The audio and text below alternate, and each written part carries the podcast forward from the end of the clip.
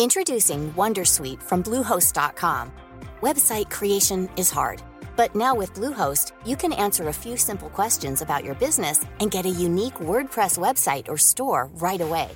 From there, you can customize your design, colors, and content. And Bluehost automatically helps you get found in search engines like Google and Bing. From step-by-step guidance to suggested plugins, Bluehost makes WordPress wonderful for everyone. Go to bluehost.com/wondersuite. Tired of ads barging into your favorite news podcasts? Good news. Ad-free listening is available on Amazon Music. For all the music plus top podcasts included with your Prime membership.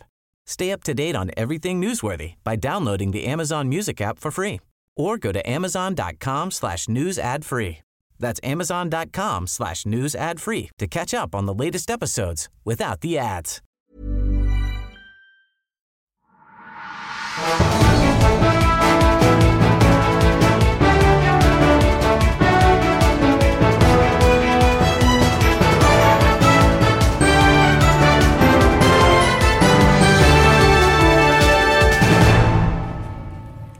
Kunstig intelligens en alvorlig trussel mot journalistikken, eller en fantastisk mulighet?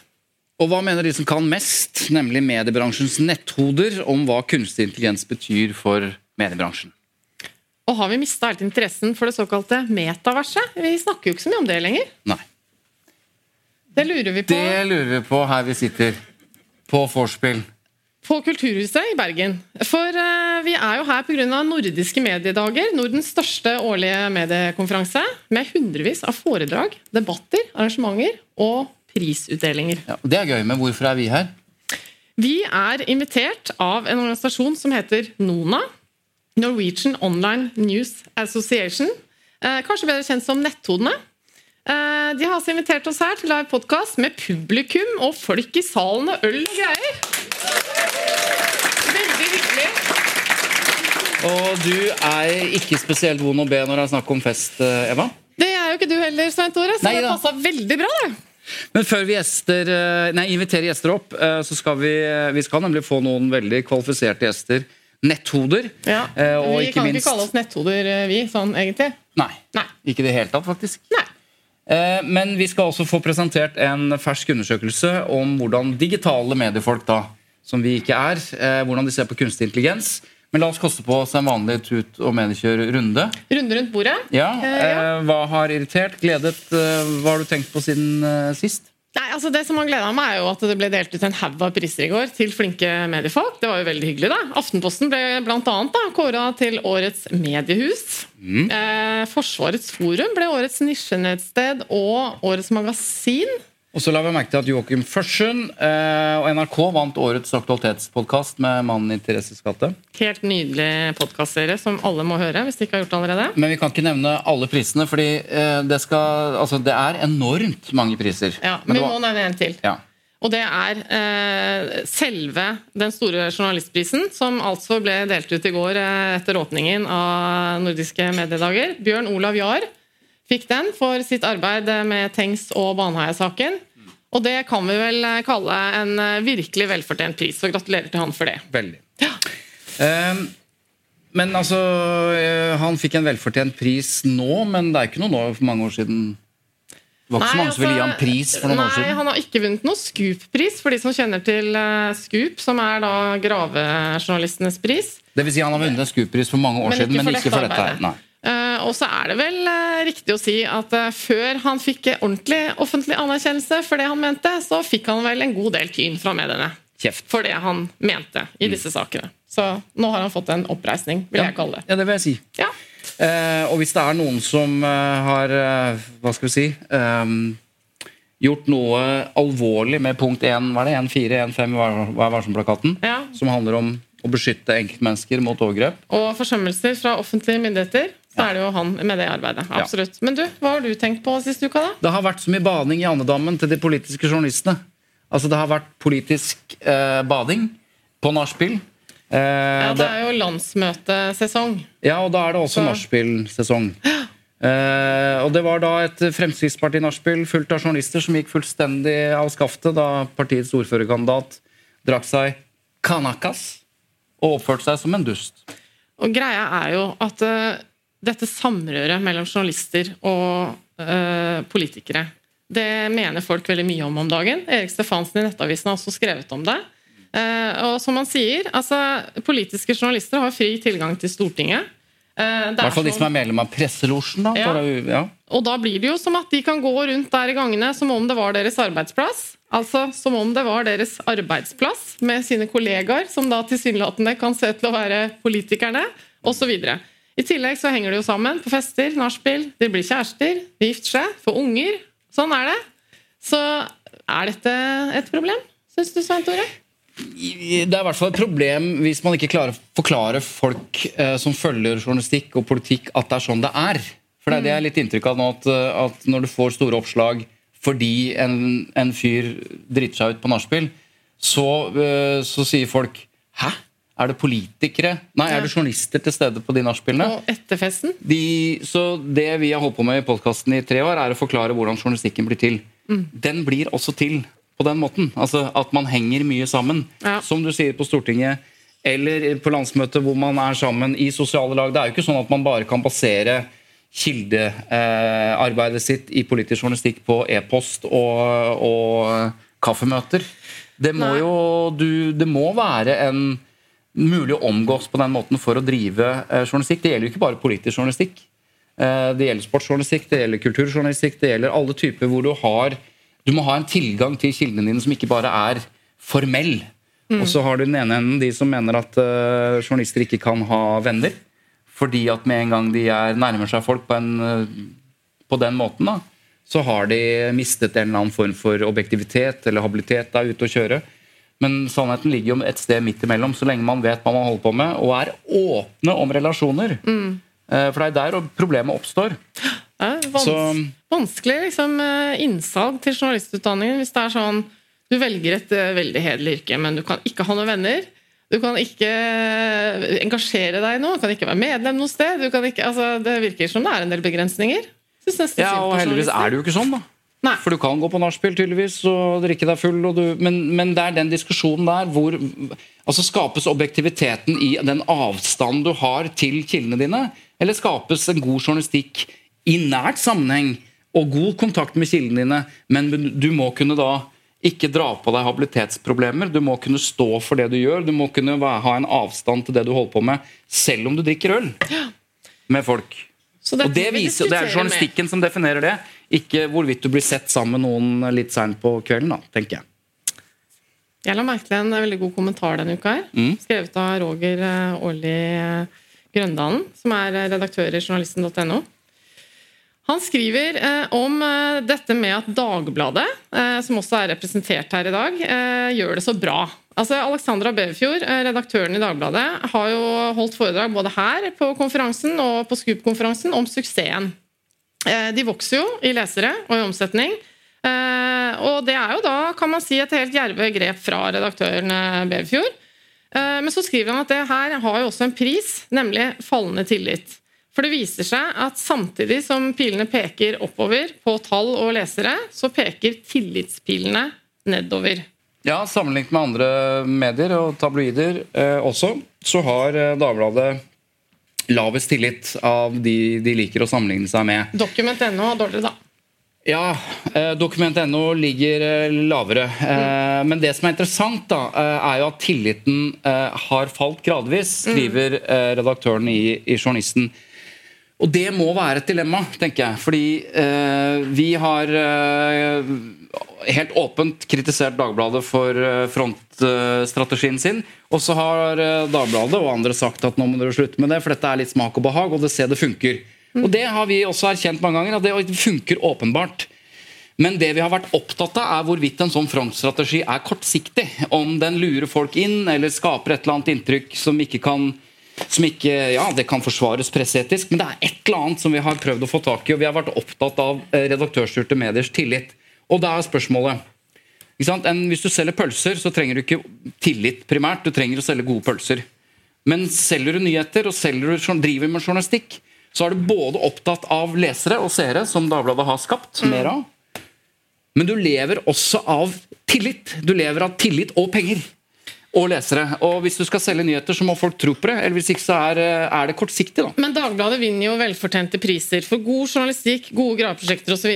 Og så er det der begrepet om tillit litt komplisert. fordi når vi snakker om forsidetitler, så kan det hende at det er litt vanskelig å skjønne hva, hva, hvorfor kobler vi det til tillit. Men poenget er altså at det, hvis man klikker inn på en sak fordi man opplever at det handler om noe annet, det er litt av poenget her, eller blir fristet inn i noe som viser seg å ikke være det man trodde, så vil det også Ja. gå utover tilliten. bare så det er Og for eh, å balansere er. dette da, på et eller annet vis Det er riktig som du sier, Dagbladet vinner jo ikke bare eh, priser i Norge. De har nettopp stukket av med en kjempepris for sitt graveprosjekt, En syk skinasjon. Fikk en internasjonal Mm. Pris for det. Eh, så det. Og det har vi aldri tvilt på, at det finnes mye, veldig mye god journalistikk. Eh, og vi vet heller ikke om den gradvis synkende tilliten som Dagbladet har, eh, har opplevd, om det skyldes det vi er opptatt av. Om det skyldes forsidestrategi eller hva det måtte være. Kanskje det er sånn at den eh, frekkeste eh, gutten i klassen må leve med lavere, litt lavere omdømme eller lavere tillit. Jeg vet ikke. Men et dilemma tror jeg det må være, fordi hvis det fortsetter å stige til værs økonomisk og fortsetter å synke til bånns tillitsmessig, så er det ikke lenger en, en medieorganisasjon som kan leve av det. Da må du begynne å selge pølser. Det var jo en sånn uh, hobbyutvikler som lagde en sånn uh, nettlesertillegg i Chrome for å gjøre om Dagbladets uh, korttogde titler på forsiden til litt mer sånn forklarende titler. Det hadde vært morsomt å gjøre det over en stund og se om eh, tilliten økte. da. Hvor lang tid tror du vi trenger på det? For å se om det endrer seg? Jeg tror fronten til Dagbladet er litt viktigere enn den uh, Du tror det har med mer ting å gjøre? Men, men apropos uh, genererer uh, titler. Det kom også en, en nyhet nå om at eh, eh, det, ved hjelp av kunstig intelligens da, så skal eh, det lanseres nå en sånn tittelgenerator som skal skape mer overbevisende og mer engasjerende overskrifter. Det er publiseringsplattformen Labrador CMS som eh, har blitt brukt av over 200 nettaviser i eh, ti forskjellige land. Som lanserer det nærmest et, et verktøy. Var- Kunstig intelligens. Det var en nydelig bro til dagens tema. Ja, det var derfor jeg sa det. Fordi vi er jo her for å snakke om kunstig intelligens. Og AI, da. Eller KI. AI. Du mener at vi må bestemme oss. Skal vi si AI eller KI? Jeg tror ikke vi kommer til å klare det. Eh, Alle vet, Når vi sier AI, så vet i hvert fall de aller fleste hva vi snakker om. Snakker med KI, så høres det ut som begynnelsen på en høyskole. Så det er et eller annet med eh, det Men det er mest riktig å si KI, for det er jo I hvert fall hvis du jobber i NRK. Ja. I hvert fall. Men eh, vi skal jo da eh, snakke om det, fordi vi er her for en live podkast eh, i samarbeid med Nona, også kalt Netthodene, som nevnt. Og det er jo trygt å si at disse netthodene, det er vel nå, i motsetning til da det ble etablert, hvor det kanskje var en gjeng med raringer i et hjørne som drev med noe internettgreier i media, så er jo netthodene i dag the shit. Ja, Det det, kan jeg vet si. det shit, det er å overdrive, men det er i hvert fall Vi er glad vi er, vi, vi, Vi er betalt for å si det. Jo, men de, det, er, er lettere å integrere de i samfunnet nå enn det var før. Ja, sånn, ja. Eh, Fordi nå, har, nå skjønner vi at de har noe å komme med. Ja. Før var de bare rare. Altså, de, de, jeg tror noen er stifta før internett ble en ting. liksom. Det må vi nesten finne ut av, og da tror jeg vi skal få opp en gjest, rett og slett. Ta vel imot eh, Arne Krumsvik.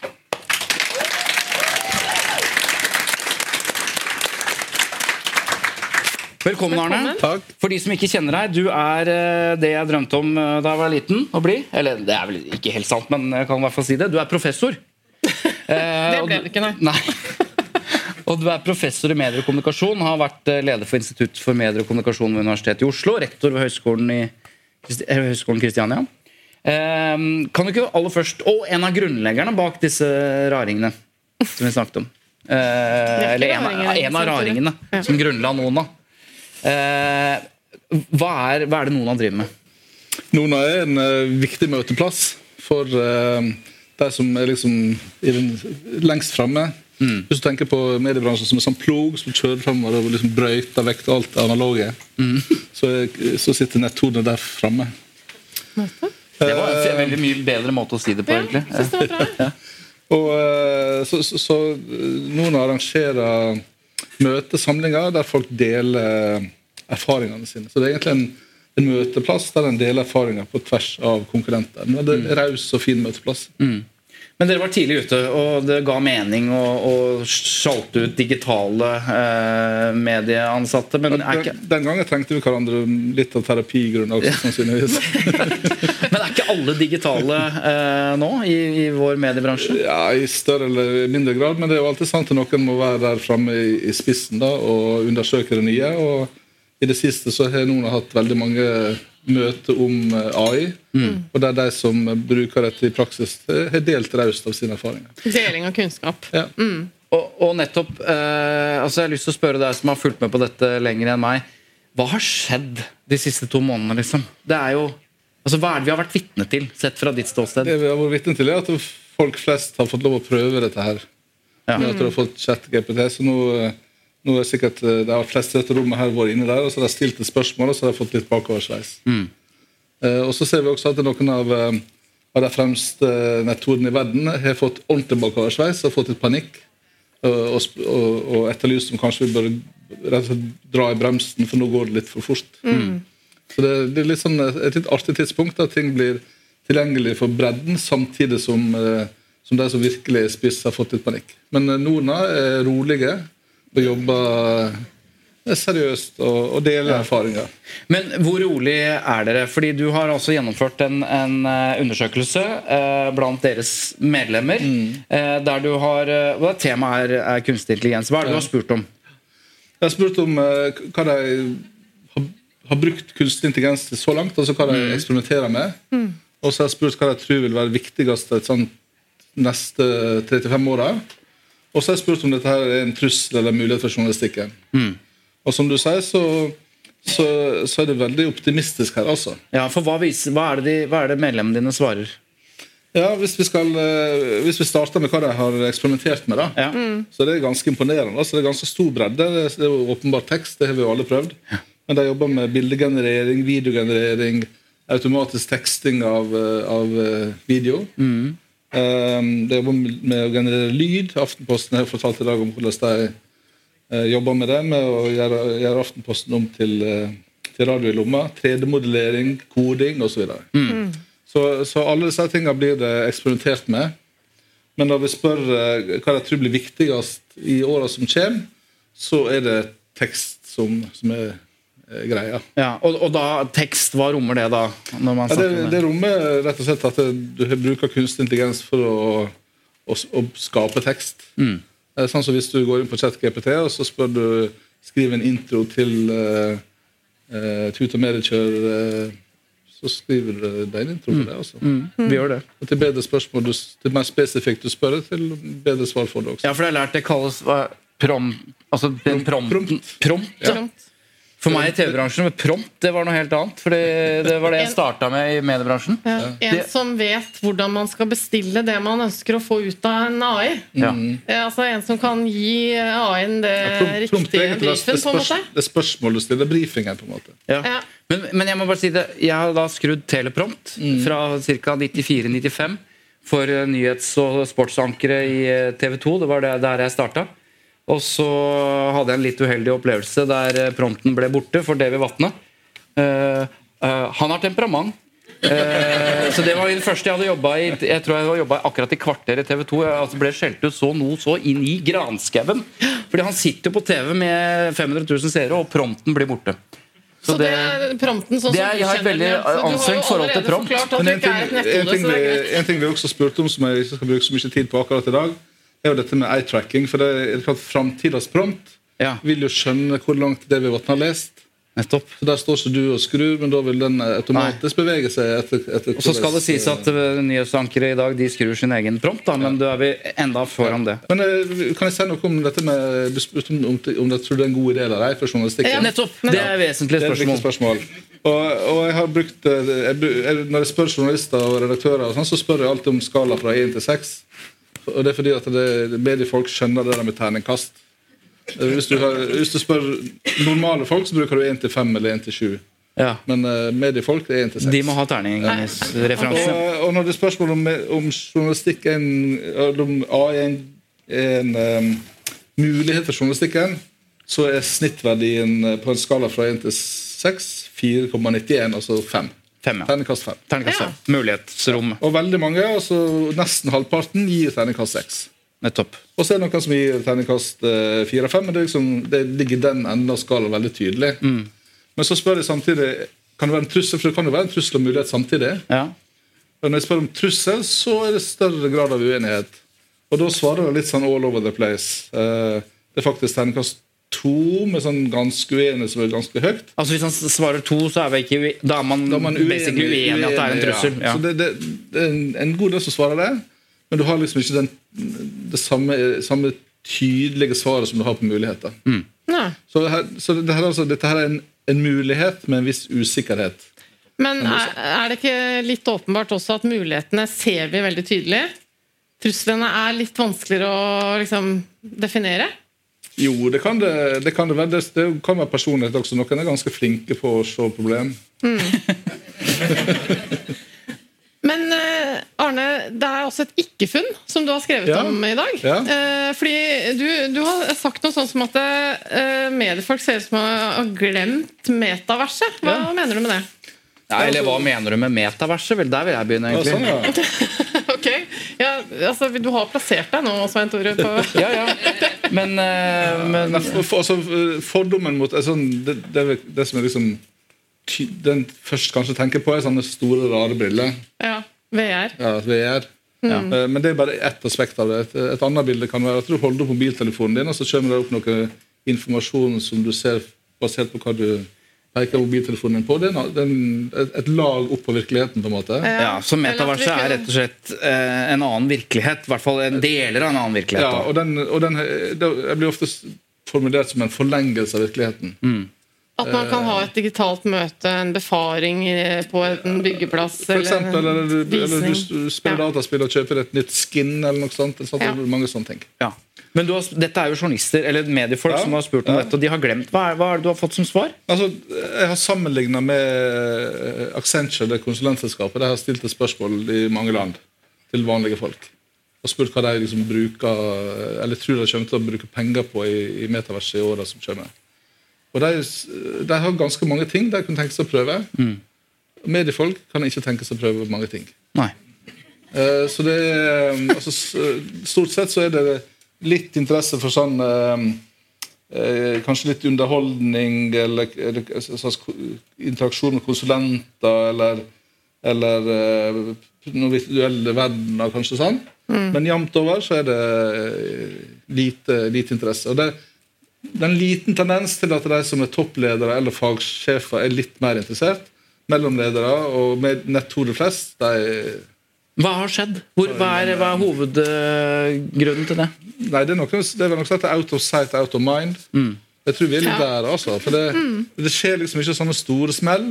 Vi vet at det, at det er Facebook som døpte om navnet sitt til Meta, og som bruker masse penger på dette, her, de har sparka, titusenvis av folk i, i nå i det siste. Ingen av de som jobber med, met, med metaverset. Så er klart at disse store tech-gigantene de, de tenker på dette her, de snakker om dette her, de jobber med det. Og, og vi sitter egentlig og tenker på noe annet, og så kan vi klage over det når de kommer med et eller annet som Så det ligger en liten oppfordring fra Krosvik her om at eh, kanskje vi skal tenke litt mer på det som kommer til å bli Tenk en fin ting. Eh, men det, det, som er, det som er typisk da for, eh, for, meta, eller for s- sitt svar på metaverset, grunnen til at jeg skrev om det, er at når jeg, når jeg spør deg liksom, hva tror du er viktigst, så er det viktigste svaret det svaret som får størst oppslutning vet ikke. Nettopp. Ja. Det er et ærlig svar, det, altså. Vi skal få på en gjest til som skal snakke litt om uh, kunstig intelligens uh, i praksis. Altså hvordan, uh, hvordan medie... Ja, Mediehusene vi, bruker fordi det. Vi vet jo at det testes overalt. Du har jo funnet ut at det er imponerende hva de driver og i hvert fall jobber med. Vi har text to speech, vi har AI-generatorer som kan hjelpe oss med å forkorte tekster og innhold osv. Men spørsmålet er jo liksom eh, Når det går så fort, hva, hvordan skal vi passe på at det ikke går gærent? Eh, Det er fort å trå feil, og derfor har mediene begynt å sette opp retningslinjer for bruk av kunstig intelligens. Derfor skal vi da eh, diskutere dette litt med Chris eh, Ronald Hermansen fra TV 2. Velkommen. Vær så god. Jeg mener, Chris Ronald, vi er i Bergen. Det er deilig å få en bergenser i hvert fall, på scenen. Hvor er det du er fra? Du er fra Møre, du, Arne? Sunnmøre. Unnskyld? Eh, altså, eh, du har jo vært eh, journalist. Eh, du har master i, rettsvitenskap. Du er, eh, har jobbet i TV 2 en stund. Og så har du hatt ansvaret for å utvikle noen retningslinjer eh, i samarbeid med flere medier. Flere er veldig opptatt av å dele eh, erfaringene nå, og samarbeide om å finne veien videre med kunstig intelligens. Eh, fortell litt først. Hvordan er det dere bruker eh, AI i TV 2? Sånn helt konkret, veldig kort. Um, det er sikkert på flere måter enn jeg har oversikt over. faktisk. Altså TV 2 er en ganske stor bedrift. så det som jeg har jobbet mest med nå de siste månedene, har jo vært hvordan vi kan bruke dette redaksjonelt og i journalistikken. Ja. Men TV 2 som sådan har jo brukt kunstig intelligens i lang tid allerede. egentlig. Altså En av de tingene vi er ganske langt fremme på, faktisk, er på eh, det å lage tekst av lyd. Eh, som har vært mye buzz om nå i det siste med Whisper og, og, og de mulighetene som ligger i det. Men det har vi faktisk holdt på med en, en god stund allerede. Eh, Vi har hatt en, eh, en autogenerert teksting på God morgen Norge-sendingene våre i lang tid, som funker eh, som regel ganske bra. Og når det ikke funker ganske bra, så blir det bra trafikk på TV2.no når vi skriver saker om ting som gikk galt. Ja. Um, Eller når den er litt forsinka. Litt ja, ja, for eksempel også. Det kan være. Men stort sett så funker det ganske bra. Og så er det jo en del av brukerne våre som er veldig opptatt av sport. Og Der har vi også en, eh, en AI-modell som kan automatisk hente ut høydepunkter fra uh, alt det sportsinnholdet vi har. Så det er to sånn ganske velkjente og godt fundamenterte caser vi har nå. Um, og Det vi prøver å få til nå, er jo å se om det finnes noen steder vi kan dra nytte av de store stegene vi har tatt på de områdene, da også redaksjonelt. Altså, så har dere utarbeida noen kjøreregler. Hva dreier de seg om sånn helt overordna? Hvorfor trengs det kjøreregler som ikke finnes allerede i presseetikken osv.? Det er jo fordi at uh, ting går helt sinnssykt fort nå. Eh, det raser av gårde. Og eh, det er mange journalister også hos oss som er nysgjerrig på hvilke muligheter som ligger i eh, spesielt språkmodellene, men også generativ AI, der vi kan Som er? Generativ AI eh, Det er sikkert folk som kan svare på det på en bedre måte enn det jeg kan, men, men, men du genererer noe med AI. Altså, du, du, kan, du kan skrive inn tekst, og så dukker det opp noe. Typiske eksempler er en debatt som har gått i vår andedam nå i det siste, med bruk av eh, et av de mest kjente verktøyene, Midjourney, til å skrive inn en tekst av det du vil ha bilde av, og så dukker det opp bilde av det. Er det greit å bruke det redaksjonelt, eller ikke? Her er ikke mediene helt enig. Nei. Nett, Nettavisen har vært tydelig på at de har, de har både brukt det i flere artikler, og de har merket det ulikt. Altså Noen ganger så har de merket det med Midjourney skråstrek AI-generert, andre ganger bare Midjourney. Som for jo noen kan fremstå som et fotobyrå. Men det er da AI-genererte bilder. Hva, hvordan har kjørereglene i TV 2 for akkurat det, f.eks.? Vi er ganske tydelige på at hovedregelen er at vi ikke skal bruke det. Og dersom vi skal bruke det, så skal det merkes tydelig. Eh, Og unntakene dreier seg Så langt så har vi utelukkende brukt det, etter min kjennskap i hvert fall, i saker som handler om teknologien. Ja. For å illustrere hva Nettopp. dette er for noe. noe. for, mm. Um, men men, jeg, men jeg, TV 2 er jo en del av Egmont, og jeg vet jo at også i Egmont, i, i de delene av Egmont som er lengre borte fra den rene journalistikken og pressen, så blir jo dette brukt. Det er utrolig tidsbesparende. Det er ganske digg å slippe å betale noen sikkert for å lage de illustrasjonene du vil ha. Eh, mange som skriver nyhetsbrev og alt mulig, kan bare skrive inn nyhetsbrevet sitt og så lage en illustrasjon til dette, og så har du det. Selvfølgelig er det veldig behagelig. Jeg forstår jo at, at folk tar det i bruk. De kjørereglene dere har utarbeida, TV 2 sine, men som også ligner på NRK, Aftenposten og flere andre mediehus sine, de er jo i stor grad De har tatt utgangspunkt i Vær varsom-plakatens eh, prinsipper, og så er det noen punkter dere har hentet spesielt eh, ut derfra for å lage eh, sånn spesifikke kjøreregler for AI. Da. Eh, og et av, altså, de er da delt inn i journalistisk atferd, liksom, hvordan oppfører man seg i arbeidet. og så er det Kapittel tre i Hva varsom-plakaten. Ja. Og så er det publiseringsregler. altså Hva hva er reglene når det skal på trykk eller på lufta? Kapittel fire i Hva varsom-plakaten. Hvorfor har du valgt å dele inn sånn?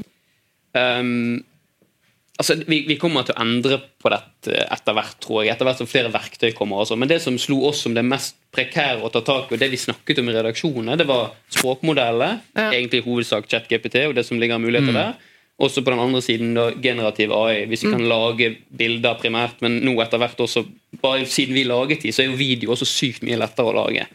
Eh, og det vi tenkte da, var at vi må ha en sånn ground rules, sånn helt grunnleggende regler, sånn at altså Egentlig var hovedmålet vårt med de retningslinjene ikke at de skulle stå seg til evig tid, men at vi ønsket å øke bevisstheten rundt dette i redaksjonen.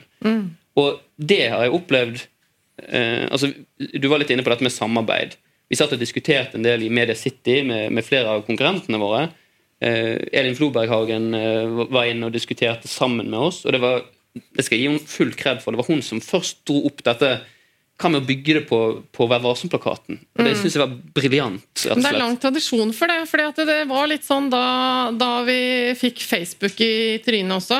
eh, At man satt i Presseforbundet og PFU og lurte på skal vi lage noen egne prinsipputtalelser nå for hvordan vi skal forholde oss til sosiale medier som kildegrunnlag. Og så ble det jo satt ned arbeidsgrupper, og hver eneste klage vi fikk For jeg har sittet i PFU, da, for de som ikke visste det.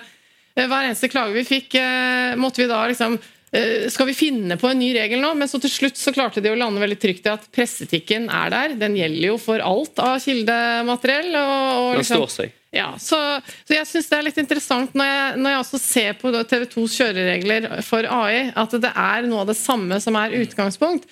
Og et av de tingene som, eh, som dere da eh, snakker om, er dette om eh, vern om pressens kilder og kildevern. Og det er, det er interessant det der med at sant, dere bruker enn så lenge i stor grad AI til å fòre inn en lang eh, kanskje artikkeltekst, eh, masse innhold, og så skal dere få hjelp til å forkorte det, eller få hjelp til å lage en tittel. Og da, Hvordan gjør man det med upublisert materiale? Jeg antar at Foreløpig er det kanskje ikke sånn at de store graveprosjektene blir fora inn i GPT, og så, og så får man Men hva er du er redd for? At du fòrer det inn Nei, i GPT, og hva skjer da? Er det ikke da sånn at øh, den kunstige intelligensen lærer seg jo alt den blir bedt om å hjelpe til med? Så det blir jo da en del av utgangspunktet, referansegrunnlaget til ChatGPT. Fôrer du beistet? Du fòrer beistet. Og jeg lurer jo på, Det er ikke noe fare nå, men er det sånn, er dere redd for at dere bruker AI til å få hjelp med en sak, og så kan det da tenkes at det går så fort til en annen? Altså at det underlaget som eh, roboten da har, eh, kan bli brukt til å gi et svar til noen andre? Altså, Poenget er at vi vet ikke nok om Nei. hvordan det vi putter inn, blir brukt i det fremtidige treningsgrunnlaget. Og, og, og all den tid det er et så helt eh, elementært presseprinsipp, Mm. så, så, så tar vi ikke sjansen på det. nei. Men, men altså, vi prøver å være pragmatiske på dette. da. Altså, Mm. Det er ikke sånn at Uh, Senest i, i forrige uke satt vi og lekte oss litt med en sak som er sånn at vi lager jo, Det er ikke alt vi lager som er uh, dyptpløyende gravejournalistikk. Såpass ærlig skal vi være. ja, helt seriøst, faktisk. Uh, så så det kan jo være at vi sitter med en, en sak som eh, for, for eksempel handler om, eh, om, om sommerens store reisetrender, eller den type ting. Sant? Ja. Vi, har sett åpne kilder samlet inn og bearbeidet noe tekst. Folk er opptatt av dette. Eh, Det sier jeg som redaksjonsleder at jeg har ikke noe store problemer med å la journalisten putte det inn i ChatGPT og se om vi får noen gøye svar i retur. Det, det som du var inne på i innledningen din med, Vi bruker jo Labrador som CMS, f.eks. Eh, og, vi ser jo en veldig kraftig fremvekst av det at disse tjenestene blir integrert i CMS-et. Mer enn at vi skal på en måte putte det ut en annen modell Altså I publiseringsverktøyet? i publiseringssystemet. Så da sitter vi på en måte det innelukket i vårt system på en litt annen måte enn hvis du tar det ut i ChatGPT, og i hvert fall gratisversjonen. Mm. Så finnes det jo eh, eh, metoder som, som vil gjøre at, at alt på en måte bor hos oss.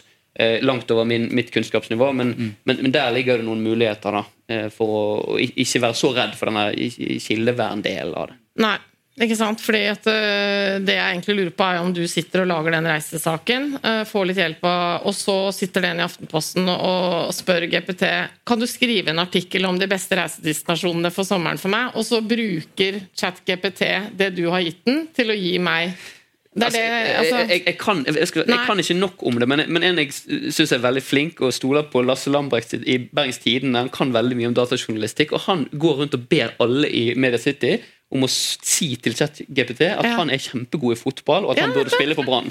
Fordi han håper at til slutt så dukker det opp igjen når en eller annen person spør. Men Arne, ikke sant? Det er bare forlengelsen av det. eh, Vi satt og snakket om det. Altså hvis, hvis, du har, hvis du er redd for, eh, for russisk påvirkning eller propaganda eller stater som er opptatt av å forandre samfunnet hvis du, eh, Det er uskyldig da å si at en fyr er god i fotball i Bergen, men hvis, du, hvis, eh, vi russiske eh, påvirkere sitter og fòrer GPT med, med, Med usann informasjon, med med sitt sitt narrativ, narrativ, i en voldsom fart. Hvordan. Mm. hvordan vil det påvirke de svarene vi henter ut uh, om andre ting? Altså Kildekritikk er jo er selvfølgelig viktigere enn noen gang. Og Han bruker jo også AI-verktøy til hjelp for å finne ut om, om ting er sant, om bildet er ekte osv. Mm. Og, og her, her er jo både mediene og eh, de som lager den, dette verktøyet, felles interesse av at ting blir sjekka. I tillegg så, og Bente Karlsnes, kollegaen min, har snakka om det på mediedagene i dag, om hvordan mediene bruker AI til å, til å undersøke om ting er riktig. Og I tillegg så hørte vi Schibsteds lobbyist i Brussel tidligere i dag, som fortalte at det er initiativ i Brussel for å pålegge sånne verktøy som ChatGPT å oppgi eh, kildelista si for hvert enkelt svar. Ja, men, men er det mulig? Er ikke det som har vært selve forskjellen det vi har opplevd Ja, nå? det, for det, det er jo litt sånn at alt er snudd rundt uh, i forhold til hva vi var vant til. Altså Før i tiden så søkte man informasjon et sted, og fikk man et svar med en kildehenvisning. Sånn er leksikon, sånn er internett, basically. Ikke sant? Man får noen treff, og da kan man se at de er enten på Wikipedia eller hos VG eller New York Times. Mens ChatGPT har jo snudd dette her rundt. Vi får jo ikke Men nå er Vi dere på besøk hos som nett, netthodene som ser på dette som en mulighet. Dere ser jo bare trusler her, folkens. Ja, det er jo, vi er jo livredde. Vi til å stille kritiske spørsmål. Men, Men det, det er jo ikke noe problem å oppgi en referanseliste. for det er klart at det, det, det, Referansene finnes jo der. ikke sant? Ja. Så, så teknisk sett er det ikke noe problem. Men apropos det å snu ting på hodet. Eh, Chris Ronald, jeg vet at du kommer eh, airborne fra København. Du har vært en stor konferanse eh, der dere har diskutert eh, dette og fått noen fremtidsscenarioer tegnet opp eh, av flinke folk. Og Kan du si litt om hvor fort det kan gå? eh, Dette med merking, altså Vi er opptatt av dette. i Journalistikken er opptatt av liksom, Vi må vite hva det kommer fra. og sånn, og Du, du fortalte litt om det. Hva, hva er det vi kan se fram mot når det gjelder akkurat, eh, akkurat det, tror du? Nei, man, kan, man kan bli litt nervøs når man får sånne store keynotes med fremtidsutsiktene. og sånn, Men en ting som jeg merket meg på uh, Nordic AI Summit for Journalism, som er første av sitt slag i Norden. og Det, det er også et sånn eksempel på samarbeid, syns jeg. da, der På relativt kort tid så trommer man sammen mediehus i hele Norden som deler veldig åpent sine erfaringer med en del ulike ting knyttet til dette. da. Eh, og på et av disse foredragene så Eller egentlig, det, gikk igjen på flere av de, var at Eh, hvis vi ser det som muligheter, da, hvilke muligheter er det i dette for oss? Så er jo tilliten som vi har, og som vi forvalter, en helt sånn grunnleggende byggestein fremover. Og Det som gjorde litt inntrykk på meg, var å se eh, eksempler på en, en slags fremtid som noen mener kan ligge langt fremme, noen mener ligger skummelt nært fremme. Kanskje ikke han kommer i det hele tatt, men eh, dette med at man eh, kan komme i en posisjon der det blir nødvendig å merke hva som faktisk et menneske har vært involvert i å lage. Ja. Eh. Altså omvendt, på et vis. Omvendt, rett og slett. Ikke sånn at dette er. AI-generert, men, men snu det på hodet om at dette bildet er faktisk ekte. Eh, Jeg kjente at jeg fikk litt sånne frysninger, for han hadde laget en sånn Instagram-vindu, liksom bare manipulert, med, liksom, med et sånn lite fingeravtrykk på en måte som viste at dette her er ekte greier. da. Ja. Vi har jo starta det litt, da. Fordi nå er det jo sånn at hvis vi poster et bilde på Instagram som vi ikke har brukt filter på, så opplyser vi om NB, no filter. Det er Det er et ekte bilde. et ekte bilde. Men, men, før, men før så sto det sånn uberørt av menneskehender på enkelte innpakninger.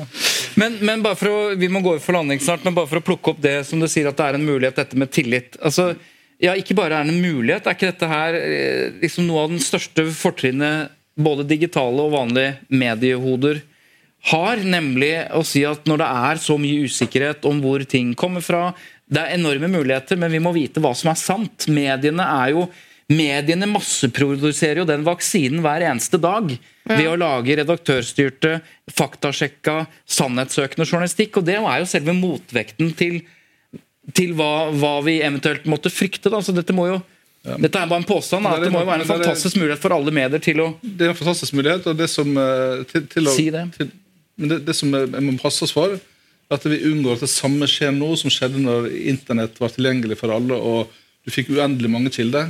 Mm. Så endte mediene og journalistene opp med å bruke færre kilder noen gang. Fordi Fordi at en var så opptatt av, av, ja, Ja, av at at ikke klarte å, å finne ut hva som var sant og ikke sant. Mm. At en endte opp med å bare sitere store, kjente mediehus. man var livredd for å gjøre feil. Da. Yes, og dermed så, er dermed så fikk du en sånn mainstreaming, og du fikk mindre mangfold. Det, vi- det, som, eh, det som veldig mye av privilegiene til mediene eh, begrunna i, er jo at vi skal skape et mangfold. Mm. Så Det er viktig å bruke disse verktøyene som det de er, nemlig verktøy, og, og skape mangfold av meninger og synspunkt, og unngå en sånn mainstreaming. Da. Hva tror du Kristian, om medienes mulighet til å markere seg som de du faktisk kan stole på? Forutsett at de ikke bare lukker øynene, da. Uh, veldig interessant historisk betraktning som vi bare bør snakke mer om nå. Men uh, jeg, jeg, eh, jeg er optimist, da. Og jeg, jeg ser jo masse muligheter for oss for nettopp det der. Men det, det er litt sånn mange steder er det fallende tillit, dalende tillit til de store mediene. Eh, mediebildet blir mer fragmentert, og det er ikke gitt at vi liksom har den Vi er jo litt sånn annerledeslandet med den ekstreme tilliten vi har i, i Norge til mediene. Så eh, vi, får, vi får jobbe for å forvalte den. Det må vi virkelig gjøre. Rekker vi et kjapt lytterspørsmål på tampen? Vi har fått et AI-relatert. eh, Vi tar oss tid til det. Ja. Hei, Tut. Sosiale medier øser over av AI-genererte bilder om dagen av kjendiser satt inn i rare og ganske utenkelige situasjoner. Sist nå var morsom seriebilder fra et imaginært nachspiel med det kongelige etter kroningen av kong Charles. Hysterisk kule bilder av de kongelige familiemedlemmene på vill fest. Foreløpig er bildene så AI-photoshoppet og fancy at man nærmest skjønner at det er fake. Men eh, er ikke det skummelt, lurer, på, lurer han på. Punkt 1. Er det greit å bare publisere manipulerte bilder av kjendiser? Hvordan er rettigheter her? Og to, hvordan skal vi stole på bildet fremover? Kan ikke tabloidpressen be AI lage et drømmebilde av kjendiser de skulle ønske var i en gitt situasjon?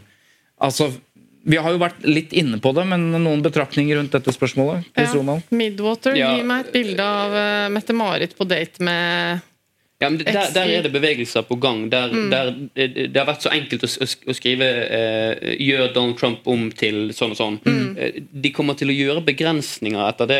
Nå tar jeg det rett fra konferansen jeg kommer Ja, fra. Liksom, ja. sånn, men det, var liksom, det, det kommer begrensninger i bruk av kjente personer i liksom, situasjon X. Da, Ja. som, som jeg tror kan være med å, i noen grad i hvert fall, bekjempe det der. Så, så det, det kan være ett uh, um, aspekt uh, i det. Men så vet vi også at det finnes etter hvert alt, alt dette blir så utrolig mye enklere å gjøre.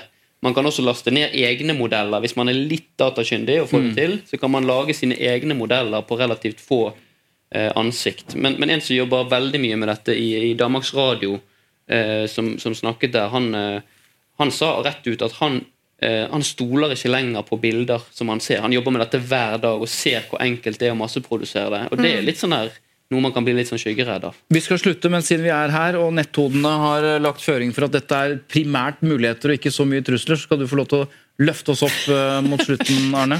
Jeg tror dette går bra. Det eneste Ja. jeg er bekymra for, er at virkeligheten overgår fantasien, jf. amerikansk politikk. Ok. Det vi, la, vi, vi lar det bli siste ord.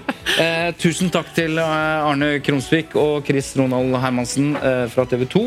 Eh, takk til deg, Eva Sandum. Takk til deg, Svein Tore Bergstuen. Takk til Lyder Produksjoner som produserer eh, Tut Mediekjør. Og takk til alle som kom hit på Kulturhuset i Bergen. Og takk til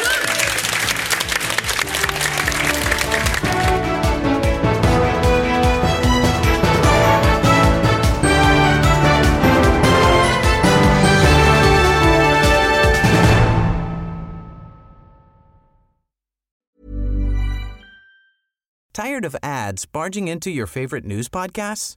Good news. Ad-free listening is available on Amazon Music for all the music plus top podcasts included with your Prime membership. Stay up to date on everything newsworthy by downloading the Amazon Music app for free or go to amazon.com slash news ad free. That's amazon.com slash news ad free to catch up on the latest episodes without the ads.